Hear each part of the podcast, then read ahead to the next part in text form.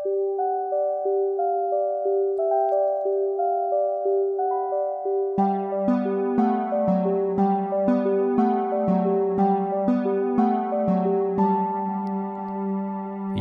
þjálfarin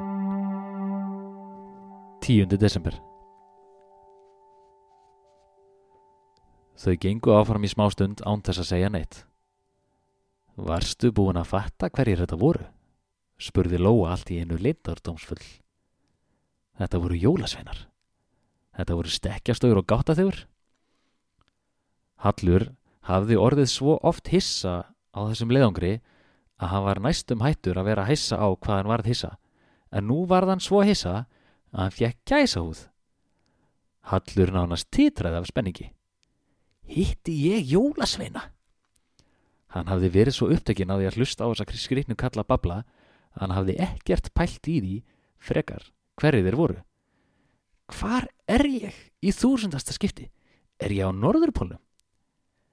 Er afi minn jólasvein? Hann gæti ekki staðist að það spurja. Nei, sko, útskýrið Lóa, hann er jólasveina þjálfari.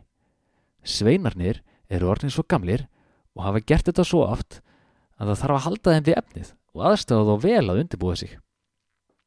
Svo þarf að passa að þeir mæti á réttum tíma á jólapölinn og söfnin og í skólana og sjúkrahúsin að hitta alla krakkana. Þeir eru stundum svo latur og fljótfærir að ef þeir fengja ráða myndu þau bara skilja skókjafarnar eftir í plastboka fyrir utan eða líma þeir utan á gluggan eða henda þeim bara öllum á eitt stað og skrifi snjóin vinsamlega snólgist skógjafir út á næsta horn. Það þarf ekkert að kenna þeim að setja í skóin, en þeim veitir ekki af aðhaldinu. Nefna kannski gluggagjægi. Hann er algjör sérfræðingur í gluggum og veit ekkert skemmtilegra. Tímanin breytast líka og það þarf að þetta passa að hurðaskelli skelli ekki öllum sjálflokandi hurðunum, passa að skýrkámur klári ekki alla grísku jógurtina í skamnum, Giljagaur var vanur að klöngrast um gil og stikli verið árnar á liðinni til byggða en það er allt orðið miklu fljótlæra núna. Það eru komnar brýr allstæðar. Hann ætti eiginlega að heita Brúmann. Akkur heldur að þið séu svona góður í þessu?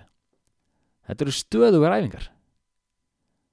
Askasleikir eigður stundum allt og miklum tíma í að leita að öskum. Veistu hvað askur er? Það er eld gamalt matarílót eins og diskur, skál eða nestisboks til dæmis. Það hefur engin átt svoleiðis í mörg ár, en hann gefst ekki upp. Þeir eru svo þrjóskir. Ef hann er alveg að fara yfirum, vill hann helst bruna á þjóðmínasafnið. Þar er fullt af þeim. Þá er gott að hafa mann eins og afaðinn til að halda þeim vefnið.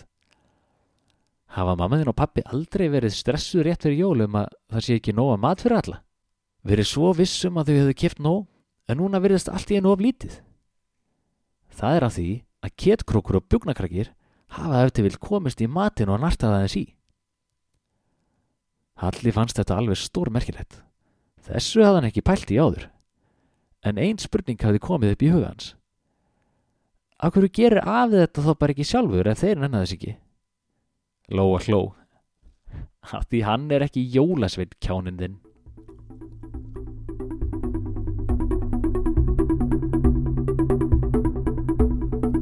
Fluttur var tíundi þáttur jóradagatalsins um jólasveinaþjálfaran eftir Egil Haldursson. Þykist útvarpið 2021